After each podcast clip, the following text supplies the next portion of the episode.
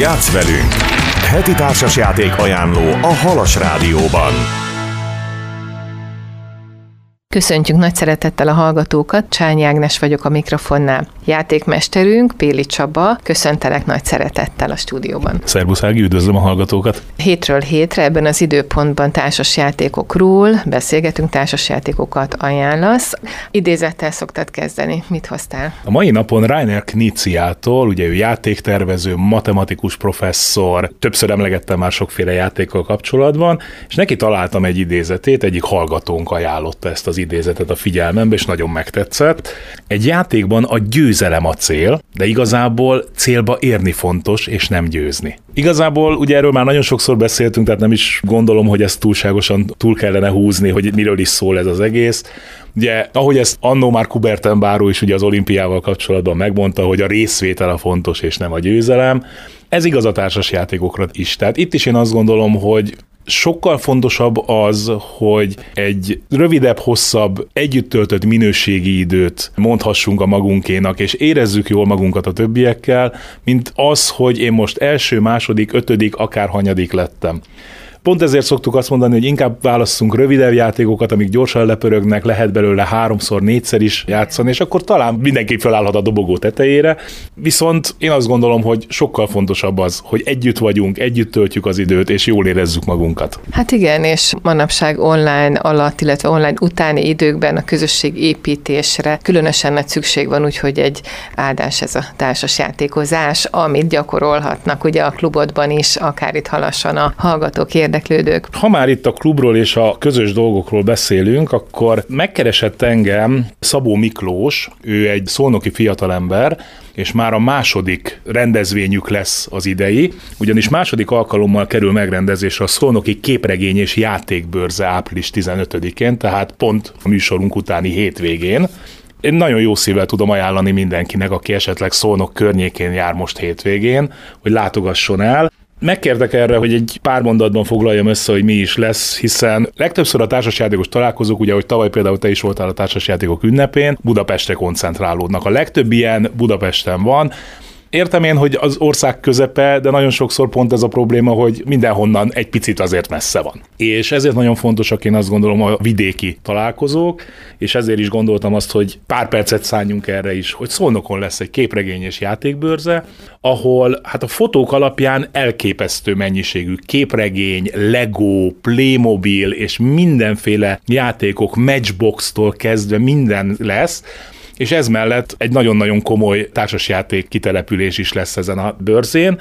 Többek között egy Hatalom kártyái című játék, egy gyűjtögetős kártyajátékról beszélünk, Hát megmondom, hogy szerintem én még főiskolás voltam, amikor ez a játék elindult. És mind a mai napig létezik, rengeteg-rengeteg kiegészítő paklival, és például erről a játékról is lesz egy elég komoly előadás, illetve ki is lehet próbálni ezt a játékot ott ezen a rendezvényen. A játékot hatalomkártyáinak hívják. Hát ez most nekem ezer áthallás volt a fejemben, hogy ezt a játékot már a hordákba játszották az ősidőkben, és azóta se kopott ki. Azért hozzá kell tenni, hogy ez egy gyűjtögetős kártyajáték. Tehát ha a hallgatók esetleg ismerik a Magic-et, vagy lehetne sorolni rengeteget, mert rengeteg létezik, mindegyikről azt érdemes tudni, hogy egy gyűjtögetős kártyajáték az egy külön élet. Tehát ez úgy történik, hogy az elején megveszi az ember a kis alappaklit, ami mondjuk 60, 100, 120 kártya, elkezdünk játszani, és aztán van egy kiegészítő meg még egy, meg még egy, meg 1642, és hihetetlen mennyiségű új lap, és mindig azon, hogy hú, az az új lap nekem kellene. Számomra például megdöbbentő, amikor látok, konkrétan pont épp a Magic-kel futottam a múltkor bele, hogy 16 ezer forintba került egyetlen kártyalap. Tehát nem egy pakli, nem egy komplet játék, egyetlen kártyalap, ami annyira különleges kártyalap volt, hogy ez ennyibe kerül, hogyha valaki meg akarja szerezni. Hát ezt gondolom, hogy ezre másolják. Úgyhogy ezért a hatalomkártya egy picit barátságosabb, ugye, mert egyrészt a magyar kiadás, tehát talán könnyebben beszerezhető, úgyhogy én mindenkinek ajánlom, hogy látogasson el. Április 15-én Szolnokra a Voke művelődési központban lesz ez a bőrze. Hol tartunk a betűknél, amelyekből gyűjtöttél már a társasjátékokat? Ugye a múlt héten még az F betűnél jártunk, most már áttérünk a G betűs játékokra, illetve még mielőtt jöhetne a zene, én még egy nagyon gyors kérdést bedobnék, hallgatóink kérdezték, ez számomra annyira megdöbbentő, hogy ugye mi úgy kezdtük ezt az egészet, hogy leülünk, beszélgetünk, és úgy jól érezzük magunkat. Most már hallgatói megkeresések, hallgatói kérdések, egyebek is jönnek, és egy hallgató kérdezte, hogy mik azok a játékok, amik fix pontok kellenek, hogy legyenek egy társasjátékos délutánra. Hát ezzel kapcsolatban én csak annyit tudok mondani, hogy én azt gondolom, hogy vannak olyan játékok, amire azt lehet mondani, hogy legyen egy gyűjteménynek a fix alapja, ilyen lehet a Ticket to Ride, ilyen lehet az Azul, és sok-sok olyan játék van, ami, amire mindig azt mondják, hogy ez egy családi belépő játék, és érdemes ezzel kezdeni, de azt gondolom, hogy olyan, hogy fix pont, ami mindenütt ott kell, hogy legyen, ugye már a múltkor is beszéltünk erről, hogy attól, hogy én szeretek valamit, attól még nem biztos, hogy mindenki szereti, tehát én azt gondolom, hogy a kérdésre konkrétan válaszolva, hogy olyan, hogy fix pont, olyan nincs, olyan van, hogy az adott társaságnak mik a fix pontok, az pedig társaság függő mindenképpen. Innen fogjuk folytatni, Péli Csaba játékmesterrel beszélgetünk, és a G betűs társas játékok közül hozott már nekünk néhányat. Játsz velünk! Heti társasjáték ajánló a Halas Rádióban társasjáték ajánlónkban Péli Csabát hallgatjuk. Milyen játékokat hoztál Csaba? A G betűnél járunk a sorban, és a mai négy játékunk közül az első a Galactic Warlords, galaktikus hadurak leszünk ebben a játékban, mindenki egy birodalmat irányít a galaxisban, és igyekszünk a bolygókat elfoglalni a többiek elől, és minél ütőképesebb haderőt kiállítani a többiek ellen, mindezt kártyavezérelten. A rizikó mondjuk az egyik ilyen ismert játék nagyon sokaknál, ami ilyen területfoglalós játék. Itt sokkal kevésbé van jelen a szerencse, itt sokkal jobban benne van az, hogy én hogyan fogom kombinálni a kezembe kerülő kártyákat, hogyan használom ki annak a képességeit és a kártyák által adott lehetőségeket. Egy nagyon izgalmas játék, rengeteg pici kis minivel, tehát a gyerekeket azt mondom, hogy azzal nagyon jól meg lehet fogni, hogy pici kis katonák, meg tankok, meg a dűnében lehetett látni, hogy ezeket a szitakötőszerű repülő alkalmatosságokat. Na ebben a játékban is ilyen hasonló kis repülőgépek vannak, amiket szintén le tudunk küldeni a bolygókra. Egy nagyon-nagyon érdekes és izgalmas játék, ajánlom mindenkinek. Következő játékunk a Garum, ez egy portugál kiadónak a Pythagoras Gamesnek a játéka, Hát róluk azt érdemes tudni, hogy ők nagyon portugálok, ennek köszönhetően még az angol szabályokkal is néha vakarózik az ember, mert elég érdekes fordításokat készítenek. Viszont ha ezen túlteszi magát az ember, és eljut odáig, hogy sikerül értelmezni a játékot, és megvan az, hogy hogyan játsszuk, akkor viszont nagyon-nagyon jó játékok kerülnek ki a Pythagoras Games boszorkánykonyhájából, ezek egyike a Garum is, ahol különféle olívaolajakat termelünk, egy nagyon-nagyon absztrakt játék egyébként, ugyanis egy egyszerű táblán rakosgatunk le kis lapkákat, amin rajta lesz a mi színünk, illetve a többiek színei is, és az lesz a nagyon fontos, hogy oszlopokban, illetve sorokban hogyan tudok minél többet a saját színemből összerendezni.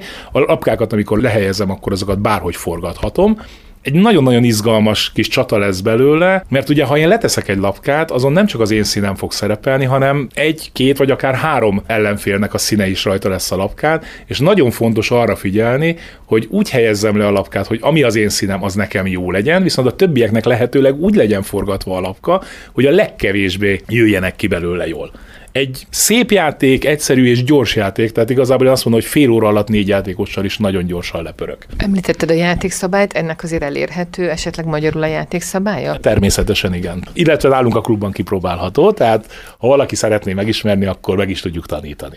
Következő játékunk egy gyerekjáték, ami azért viszonylag kevés van az én polcomon, de valahogy ez a gyerekjáték, amikor én ezzel először találkoztam, akkor ez nagyon gyorsan belopta magát a szívembe. Először is kooperatív játék. Tehát amikor gyerekeket, 7-8 éves gyerekeket leültetek kooperatív játék elé, az már egy külön jó dolog, mert legtöbbször ugye a versenyzős játékok fognak kerül-kerülni, illetve az egymással kiszúrós, az Uno és hasonlók. A mostani játékunk a Ghost Fighting Treasure Hunters, négy gyerek a főszereplő, nagyon kis klasszbábukkal, szépen kidolgozott kis gyerekek vannak, kis hátizsákkal és egy kísértett kastély előtt állunk, és a feladatunk az, hogy a kísértett kastély tele van kincsekkel. Dobunk, lépünk, tehát alapban ugye nagyon jól megvan az, amit a gyerekek könnyen fognak tudni értelmezni, hogy dobok a kockával, és annyit lépek, amennyit dobtam. Viszont nagyon fontos, hogy mindig átgondoljam, hogy hogyan lépek, ugyanis összehangoltan kell kifosztanunk ezt a kísérlet kastélyt. A kísérlet kastély szobáiban rengeteg kincs van, amit nekünk meg kell szerezni, és ki kell vele jutni az utcára. Tehát vissza is kell jutni vele, nem elég csak annyi, hogy oda mentem és fölvettem. Ezért van a kis hátizsák, oda lehet beletenni a kincset. Ez is borzasztóan jól néz ki, hogy megszerzem a kincset, az a kis hátizsákjába bekerül a gyereknek, és utána lehet vele kifelé kocogni. Viszont a ház tele van szellemekkel. Minden egyes körben fölcsapunk egy kártyát, ami megmondja, hogy hova kerül egy új szellem, hol kerül elő egy új szellem, és ezeket a szellemeket nekünk kockadobással le kell tudni győzni. Tehát itt is megvan a szerencsefaktor, ami a gyerekek felé nagyon jó, és nagyon izgalmas az, hogy vigyázni kell arra, hogy ne engedjem, hogy túlságosan túlburjánzanak a szellemek egy-egy szobában, ugyanis addig, amíg egy vagy két szellem van, addig nincs gond, mert bemegyek, esetleg harcolok velük, ha legyőztem őket, eltűnnek. Viszont abban a pillanatban, hogy egy szobában engedtem, hogy megjelenjen a harmadik szellem, akkor az átváltozik egy ilyen hatalmas, gonosz, vörös kísértetté, és ezeket a kísérleteket már csak úgy lehet legyőzni, hogyha egyszerre két gyerek bemegy a szobába, és mind a ketten ott vannak, tehát már sokkal jobban a team munkára kell odafigyelni, ugye a csapatmunkára, az összehangoltságra, és bizony, hogyha annyira engedem túlburjánzani a szellemeket, mert csak a kincsekre figyelek, hogy megjelenik az ötödik vörös kísérlet is a házban, akkor vesztettünk, és akkor mindannyian vesztettünk. Tehát nagyon-nagyon érdekes az, amikor azt mondjuk, hogy ott vagyunk két szoba előtt. Az egyikben ott a kincs, a másikban már van két szellem. Ha bemegyek, fölveszem a kincset, és ki tudnék vele rohanni, de ha nem megyek be, és véletlenül oda kerül a két szellem mellé a harmadik, akkor sokkal rosszabb helyzetbe kerülhet a csapat. Illetve még egy érdekesség van, hogyha már valahol van egy kísértet, és oda kerülne egy új kis szellem, akkor az a következő szobába kerül. Tehát nem az van, hogy ott akkor a kísérlet mellett eltűnik, hanem akkor láncreakciószerűen akár három-négy szobában is egyszerre meg tudnak jelenni a kísértetek. Tehát nagyon oda kell figyelni, és nagyon észnél kell lenni, és én azt mondom, hogy felnőttként is egy nagyon-nagyon szórakoztató játék tud lenni, miközben a gyerekeknek készült, és nagyon sokáig ez volt a legjobb gyerekjáték a BGG-n. Érdekes, nagyon segíti, így közben gondolkodtam egy kicsit pedagógus észsel is, hogy az egyensúly, tehát, hogy a gyerekeknek folyamatosan dönteni kell, hogy kísértés, ugye a kincs, vagy pedig a védelemre vigyázzanak, tehát e között nagyon egészségesen kell dönteni, balanszírozni. Nagyon-nagyon komoly tanító játék ilyen szempontból. Így van, nem is véletlenül volt évgyerekjátéka a megjelenésének az évében. És akkor a végére hagytam egy nagyon kis cukinak tűnő játékot, ezt úgy hívják, hogy Gingerbread House a kis mézes kalács házikó. Hát ugye ismerjük a mézes kalács házaknak a történetét már a Jancsi és Juliskából és a többiből, ott van a gonosz boszorkány, majd jönnek a gyerekek, és jól lapátra teszik a boszorkányt, és megsütik. Na, ez a játék egy picit csavar a történeten. Mi leszünk a gonosz boszorkány? Jaj, jaj. Róla már gondolták többször. És a feladatunk az lesz, hogy minél több mesehőst becsábítsunk a kis kastélyunkba, a kis házikónkba, és ezeket fogjul ejtsük nagyon jól meg van csinálva, az nagyon jó pofa, hogy a kártyákon piroskától kezdve a három kis malacon át, tehát a Grimmesség szinte összes szereplője feltűnik, és bárkit fogjul ejthetünk, Mindezt egy olyan lapka lehelyezős játék, hogy a lapkáinkat egymásra is ráhelyezhetjük, és haladunk fölfelé is, nem csak oldalra. Tehát nagyon sokszor van az, hogy ha lehelyezek egy lapkát, azzal letakarok egy másikat, és figyelnem kell arra, hogy mi az, amihez hozzáférek, mi az, amihez nem egy lapka lehelyezése után. Egy nagyon-nagyon izgalmas játék, és közben én nagyon csodálkozom azon, hogy igazából nem kapott magyar kiadást, pedig Phil Walker Harding, akit már többször emlegettünk a Sushigóval, az összes olyan játékával, ami nagyon sok megjelent magyarul, és valahogy a Gingerbread House az, az úgy kimaradt, pedig német nyelvterületen ott van, és elég sok magyar kiadás ugye a német kiadásokból származtatott, és ennek ellenére valahogy ez a játék kimaradt, de ehhez is létezik magyar szabály, létezik belőle elérhető, ha jól emlékszem, akkor még magyar nyelvű bemutató videó is, és én nagyon tudom ajánlani, mert egy nagyon-nagyon jó pofa játék, és tényleg nagyon érdekes ez a csavar benne, hogy ugye általában mindig az van, hogy mi vagyunk a jók, és próbáljuk legyőzni a gonoszt, és itt ebben a játékban egy fél órára mi lehetünk a gonoszok. Akár merről is nézzük, de egy kicsit az empátiát segíti, hogy néha a nézőpontváltás nagyon áldásos tud lenni. Csaba, nagyon köszönjük, ma a G betűs játékok voltak soron, gondolom még a G betűs folytatódik, itt látom, hogy bólogatsz jövő héten. Nagyon köszönöm, hogy itt voltál. Én köszönöm, hogy itt lehettem. Péli Csabával, társasjáték ajánló rovatunk szakértőjével, gurunkkal beszélgettünk. Köszönöm, hogy velünk tartottak. Csányi Ágnes voltam a mikrofonnál.